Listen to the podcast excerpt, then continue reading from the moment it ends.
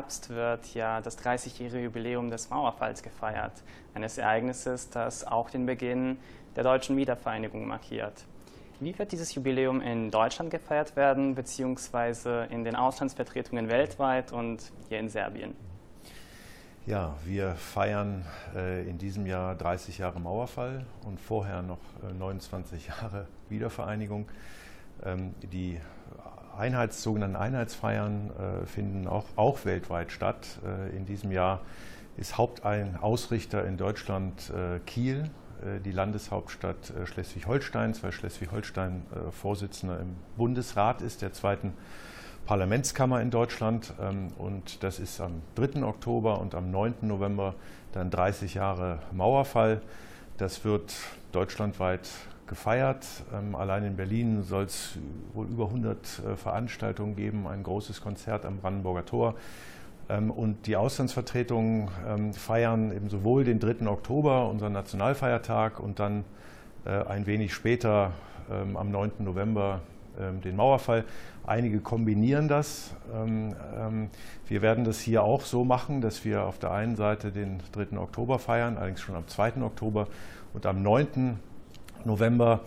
Äh, und im Vorlauf auf den 9. November haben wir äh, unter anderem zwei Fotoausstellungen geplant, äh, Ausstellungen zweier ähm, ostdeutscher Fotografen, die die DDR zeigen, wie sie war kurz vor der ähm, Wiedervereinigung. Ähm, es wird weitere Veranstaltungen geben des Goethe-Instituts, der Deutsche Akademische Austauschdienst hier in äh, Belgrad wird gemeinsam mit der Deutschen Botschaft ein Symposium ähm, ausrichten. Also da wird einiges passieren.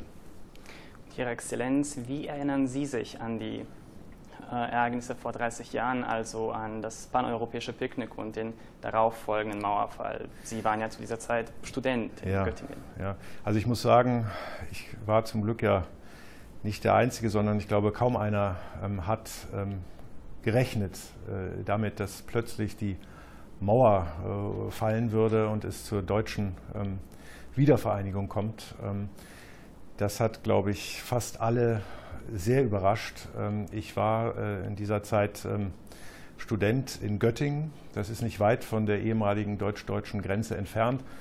Und ich kann mich noch äh, genau daran erinnern, dass ich irgendwie vor dem Fernseher saß und äh, diese Bilder von dem, was gerade sich in Berlin abspielte. Und ich ärgere mich noch heute, das war wirklich die riesengroße Überraschung, und ich ärgere mich noch heute, dass ich nicht spontan ins Auto äh, gesprungen bin, um dorthin zu fahren, denn das wären 300 Kilometer, glaube ich, sind das etwa. Also das hätte ich noch durchaus geschafft, aber ich habe es leider nicht gemacht und habe das Ganze ähm, im Fernsehen verfolgt. Aber äh, wie gesagt, es war eine äh, unglaubliche Überraschung und ich glaube, fast niemand hat damit gerechnet. Und welche Bedeutung hatte damals und hat auch noch heute äh, der Mauerfall für Deutschland und was hat sich alles verändert in den letzten drei Jahrzehnten, wenn Sie so zurückblicken? Also für meine Generation ähm, äh, ist der Mauerfall natürlich sozusagen das zentrale historische Ereignis gewesen. Ähm, völlig überraschend gekommen. Ich glaube, niemand hat, hatte mehr so richtig damit äh, gerechnet. Ähm, das ist jetzt schon 30 Jahre her. Ähm, die Bedeutung kann man gar nicht äh, überschätzen. Äh, ähm, für Deutschland, für Europa. Ähm, sehr viel ist natürlich passiert in dieser Zeit. Äh, es war auch nicht einfach, äh, ohne Zweifel. Ähm, es gab vor 30 Jahren ja durchaus auch große Vorbehalte, äh, was das bedeutet, was von einem wiedervereinigten Deutschland, was Deutschland für eine Rolle spielen äh, würde.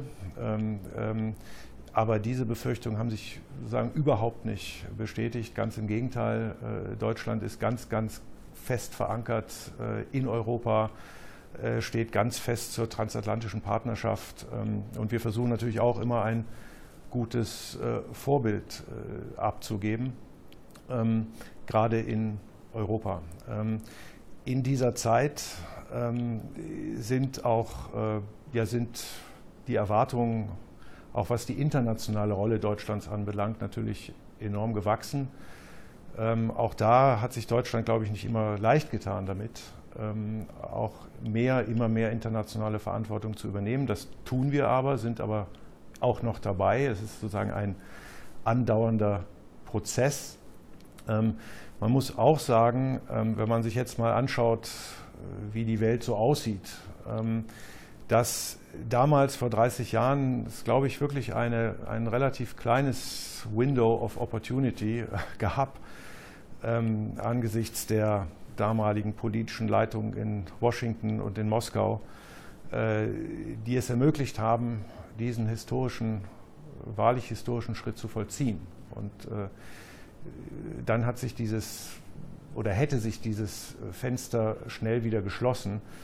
Aber es ist gelungen, sozusagen diese einmalige Chance zu ergreifen. Und äh, wir müssen sagen, es ist ein ganz, ganz großes Glück, äh, dass das passiert ist. Und insofern, äh, jetzt 30 Jahre später, kann man eigentlich nur sagen, wir, sind, wir haben sehr, sehr großes Glück gehabt. Und wegen der Wiedervereinigung entflammte ja auch eine heftige Diskussion darüber, was denn nun die Nationalhymne des Vereinten Deutschlands sein soll. Ja. 1993 wird dann die dritte Strophe des Deutschlandliedes mhm. zur Hymne gewählt. Ähm, welche Bedeutung äh, hat das für Deutschland im Sinne von, ähm, wie widerspiegelt das die Werte der Nation? Ähm, ja, also das, auch darüber gab es ja eine intensive Debatte. Äh, die dritte Strophe des Deutschlandliedes ist jetzt die deutsche Nationalhymne. Ähm, sie ist von, ähm, also sie, sie, die, wie der Text sagt, Einigkeit und Recht und Freiheit äh, für das deutsche Vaterland, das ist der Beginn. Das sind genau die Werte, Prinzipien, für die Deutschland, die Bundesrepublik Deutschland steht. Äh, diese Werte äh, sind verankert in den ersten Artikeln des Grundgesetzes. Ähm, und im Übrigen ist das Grundgesetz ja, auch das wurde diskutiert, ähm, ob, nicht nur, ob Deutschland nicht nur eine neue Nationalhymne bekommen sollte, sondern auch eine neue Verfassung. Ähm, es ist dann beim Grundgesetz geblieben weil dieses zunächst äh, Provisorium sich doch eben als sehr, sehr erfolgreich äh, erwiesen hatte im Laufe der Jahrzehnte.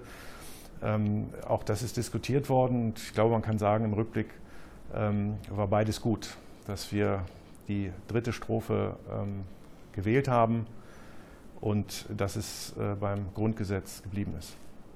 Und in den letzten, in den vergangenen Jahrzehnten ist auch sehr viel dafür getan worden, äh, also dass sich der Status der deutschen Minderheiten europaweit verbessert, auch hier bei uns in Serbien. Ähm, sind Sie zufrieden mit dem Status der deutschen Minderheit hierzulande? Ja. Ich bin ja seit einem Jahr jetzt hier ähm, in Serbien.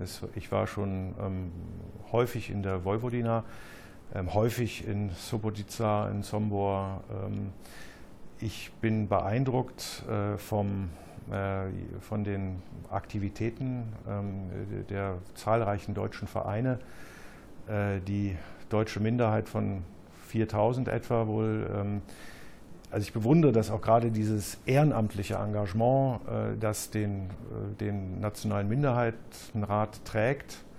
Ähm, ich kenne den Vorsitzenden gut, ich kannte den, den Vorgänger von Herrn Platz, Herrn Beck, sehr gut, der ja tragisch äh, nach schwerer Krankheit äh, verstorben ist. Ich hatte hier noch sagen, das große Privileg, ihm, Herrn Beck, in diesen Räumen das Bundesverdienstkreuz zu verleihen.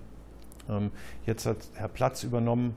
Ähm, also ich glaube, dass, und das höre ich von Vertretern der deutschen Minderheit selbst, dass sie, die deutsche Minderheit hier sehr gut behandelt wird, dass die Voraussetzungen gut sind.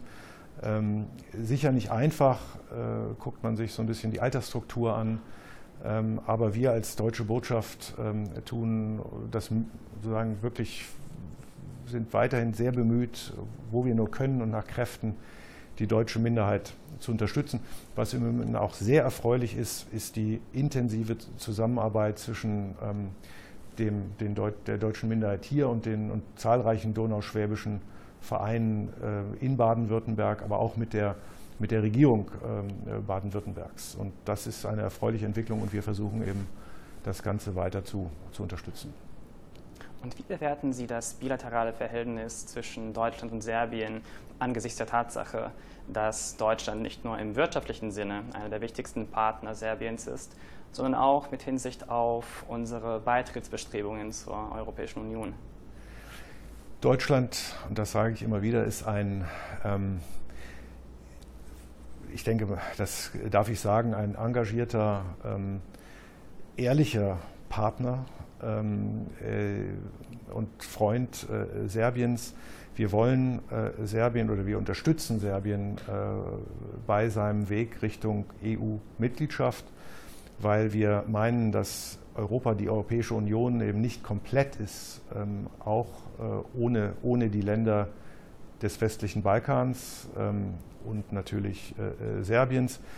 Ähm, deshalb unterstützen wir das sehr ähm, und wir hoffen, dass, die, äh, dass es bald zu einer Mitgliedschaft kommt, äh, wenn die Bedingungen erfüllt sind. Es ist am Ende natürlich es ist ein Angebot an die Staaten ähm, und ähm, wir unterstützen sie dabei, dann sozusagen diese, die Vorbereitung erfolgreich äh, zu bewältigen. Ähm, aber am Ende ist es natürlich an den Staaten selbst, äh, die notwendigen Bedingungen äh, zu schaffen. Aber das kann ich auch immer nur wieder betonen. Äh, wir, ich hier als Vertreter Deutschlands, wir sind unbedingt bemüht, interessiert, engagiert dabei, Serbien diesen Weg auch zu erleichtern. Aber dabei eben auch ein offener, ehrlicher Partner und Berater auf diesem Weg zu sein. Und wenn ich ganz kurz noch sagen darf, Sie erwähnten das, die wirtschaftlichen Beziehungen sind sehr, sehr gut. Ähm, ähm, als ich hier ankam, hieß es, 48.000 Arbeitsplätze seien durch deutsche Unternehmen hier geschaffen worden äh, seit dem Jahr 2000. Mittlerweile sind wir bei knapp 60.000. Ähm, es entstehen auch immer mehr ähm, Arbeitsplätze für ähm, sozusagen höher qualifizierte Arbeitnehmer und Arbeitnehmerinnen, Ingenieure, IT-Experten, unter große Unternehmen, die auch ihre Entwicklungszentren äh, eben nicht zuletzt in Novi Sad ähm, äh, aufbauen. Morgen bin ich, äh, besichtige ich, also habe die, das, die Ehre mit der Premierministerin äh, das Entwicklungszentrum äh, von Continental in Novi Sad zu besuchen. Also das sind unbedingt sehr erfreuliche äh, Entwicklungen. Und wir als Botschaft, meine, die Unternehmen entscheiden das natürlich selbst, wo sie investieren. Aber wir als Botschaft versuchen das Ganze auch nach Kräften äh, zu unterstützen. Und was ist Ihr Wunsch bzw. Ihre Botschaft bezüglich des 30-jährigen Jubiläums? Ja. ja dieses 30-jährige Jubiläum sollte sozusagen ein Signal der Hoffnung ähm, aussenden, äh, dass es eben auch gerade für Länder, für Betroffene, die in Unfreiheit leben, äh, in Trennung, ähm, dass äh, es ähm, und natürlich angesichts auch einer nicht einfachen Weltlage, ähm, dass es Hoffnung gibt.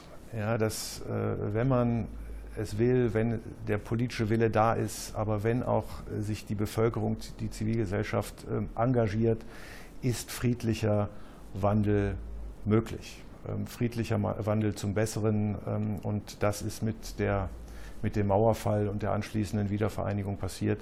Und ich glaube, äh, dieses Signal ist, ähm, soll, wird auch für die Zukunft von ganz, ganz großer Wichtigkeit sein. Und deshalb sollten wir das in diesem Jahr auch entsprechend begehen. Ihre Exzellenz, ich bedanke mich für das Interview und auch vielen Dank dafür, dass Sie uns in der Residenz der Deutschen Botschaft empfangen haben. Sehr gerne.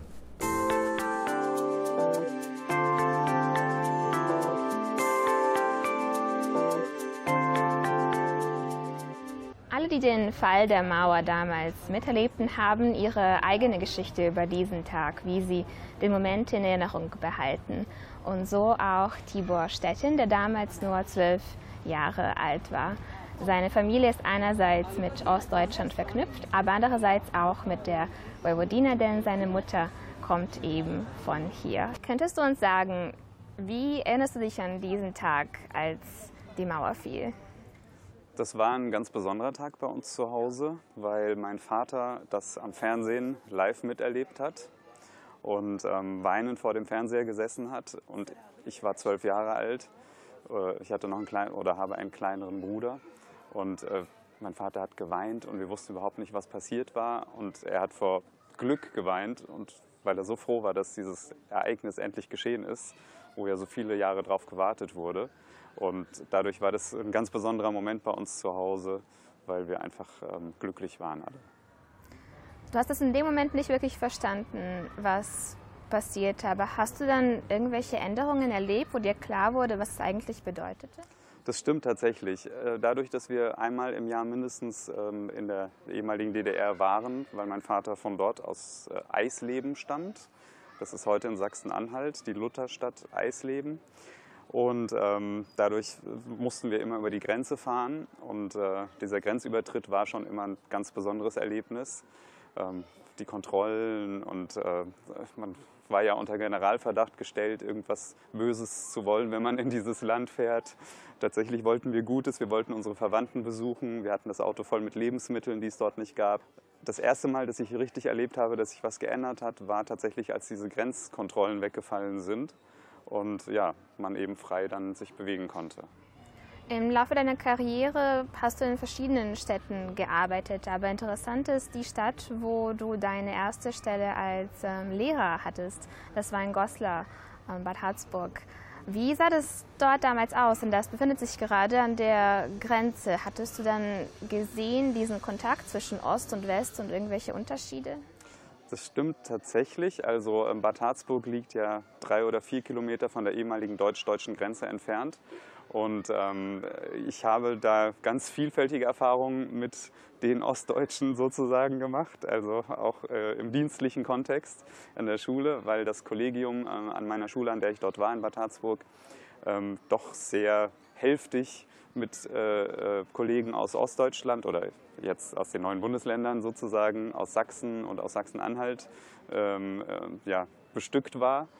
Und ähm, ja, wir haben uns natürlich, da gibt es immer so ein paar Witze und äh, so ein paar Sprüche, die man ablässt.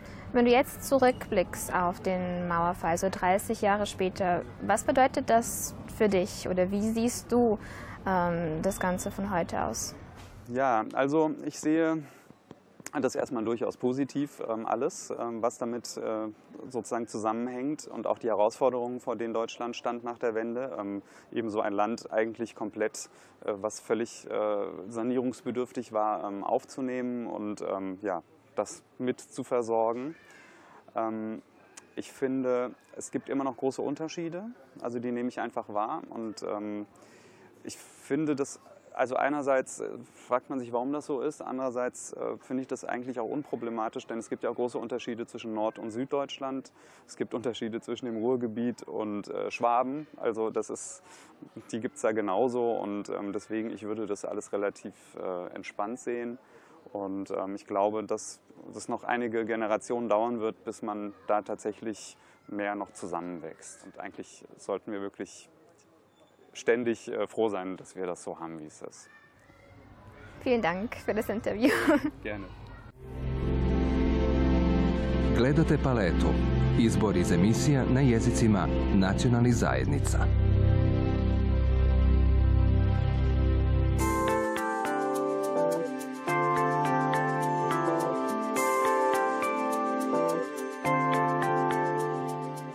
Szene 1, Take 1. Wir befinden uns momentan auf dem Schulgelände der Grundschule Peter Kocic in Temmerin und hier findet jetzt ein Deutschcamp namens Auf die Plätze fertig Deutsch statt. Das Deutschcamp wurde zwischen dem 14. und 23. August organisiert und entsprang aus der internationalen Zusammenarbeit der Pädagogischen Hochschule in Weingarten, der Philosophischen Fakultät in Novi Sad und der Fakultät für Philologie und Künste in Kragujevac.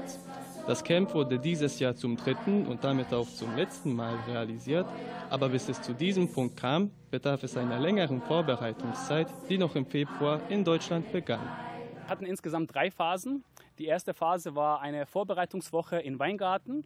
Ähm, da haben sich die Teams äh, zusammengetan. Da haben wir die Teams äh, gebildet, die ersten Ideen gesammelt und eine Grobplanung äh, vervollständigt. Die zweite Phase war dann äh, die Feinplanung aus Serbien bzw. Deutschland. Jetzt befinden wir uns äh, in der dritten und letzten Phase, die Realisierung des Camps in der Grundschule Peter Kocic, die dann mit einer Schlussaufführung im Kulturzentrum endet. Das Camp umfasste insgesamt sechs Teams und ihre jeweiligen Workshops, für die sich die Kinder beliebig entscheiden konnten und die verschiedene Themenbereiche als Grundlage hatten. Das Ziel des Camps war, eine deutschsprachige Umgebung für die Kinder zu erschaffen, in der sie durch Kommunikation spielerisch Deutsch lernen sollen. Bei den Kindern handelte es sich um Fünft- und Sechstklässler der Grundschule. Wir haben Wörter gelernt und die äh, wir für die Spielen brauchten und wir haben so Rollenspiel gemacht.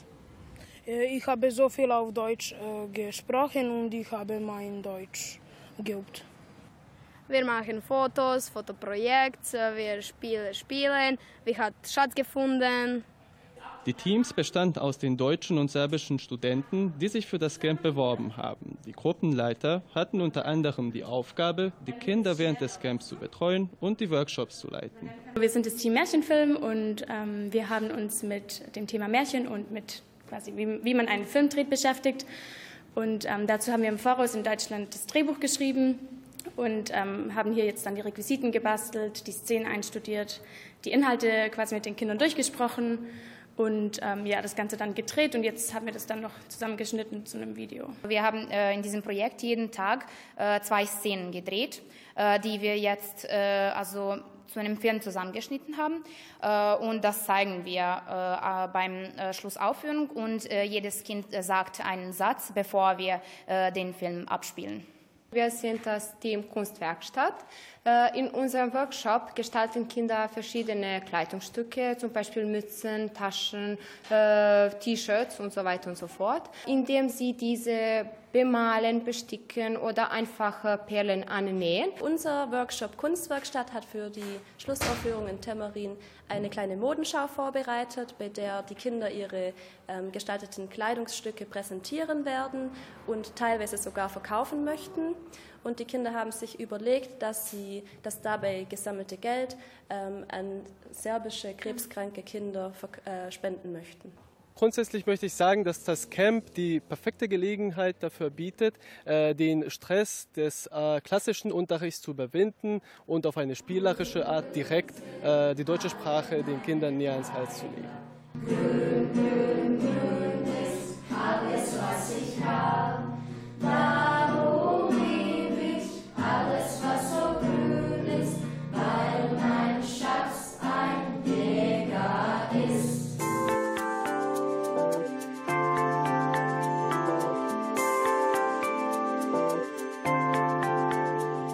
Wir befinden uns in Batschki Monostor und heute wird hier ein Feuerwehr- und Erste-Hilfe-Camp organisiert, beziehungsweise heute findet die Schlussaufführung statt, äh, die eine Explosion und eine riesen Stichflamme verspricht.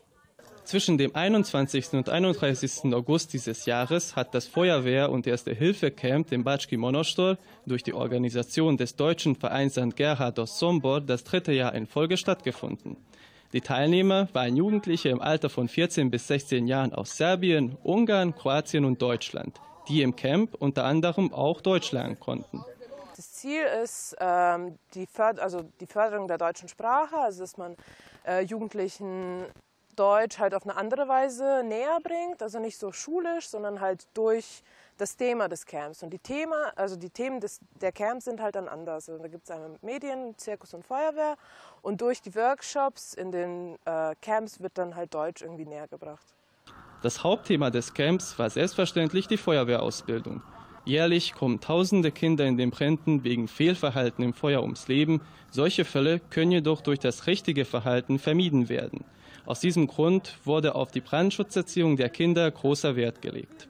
Die erste Stunde beginnt Verbrennen. Was, wie entsteht ein Feuer? Was sind die Voraussetzungen, dass brennen kann? Ja, zum Beispiel, wir brauchen Sauerstoff, wir brauchen brennbaren Stoff, wir brauchen Zündtemperatur, das richtige Mengenverhältnis. Einfach, dass die jungen Menschen wissen, warum es brennt. Weil die zweite Folge ist das Löschen. Wie lösche ich? Neben den Kursen für Brandschutz konnten die Teilnehmer aber auch Sport treiben und sie nahmen an einem Erste-Hilfe-Kurs teil. Wir haben jeden Tag hier eine andere Ballsportart gemacht, wo wir auch dann praktiziert haben. Zuerst Theorie ähm, äh, nach dem Morgen äh, und dann ging das also hier über das ganze Camp hinweg. Ich habe die Erste-Hilfe-Workshops hier genauso gestaltet, wie die bei uns in Deutschland abgehalten werden. Also Die haben ähm, Verbände anlegen, also zum Beispiel bei stark blutenden Wunden, wie sie richtig ähm, eben die behandeln müssen, Verbrennungen, dann bei äh, Herzstillstand mit der Wiederbelebung. Also gelernt haben wir hier eigentlich so einiges, wie zum Beispiel ähm, ziemlich viel, wie, wie die Feuerwehr arbeitet, wie die in bestimmten Situationen vorgeht und auch, auch noch andere Sachen wie Sport, bestimmte Sportarten wie Badminton, Fußball, Völkerball, Volleyball und auch wie man Leute verarztet. Bei der Schlussaufführung am 29. August wurde ein Szenario vorgespielt. Jemand versucht brennendes Öl mit Wasser zu löschen und so entsteht eine große Stichflamme. Dabei gibt es auch Verletzte, die von den Campteilnehmern versorgt werden und auch das Feuer wird gelöscht.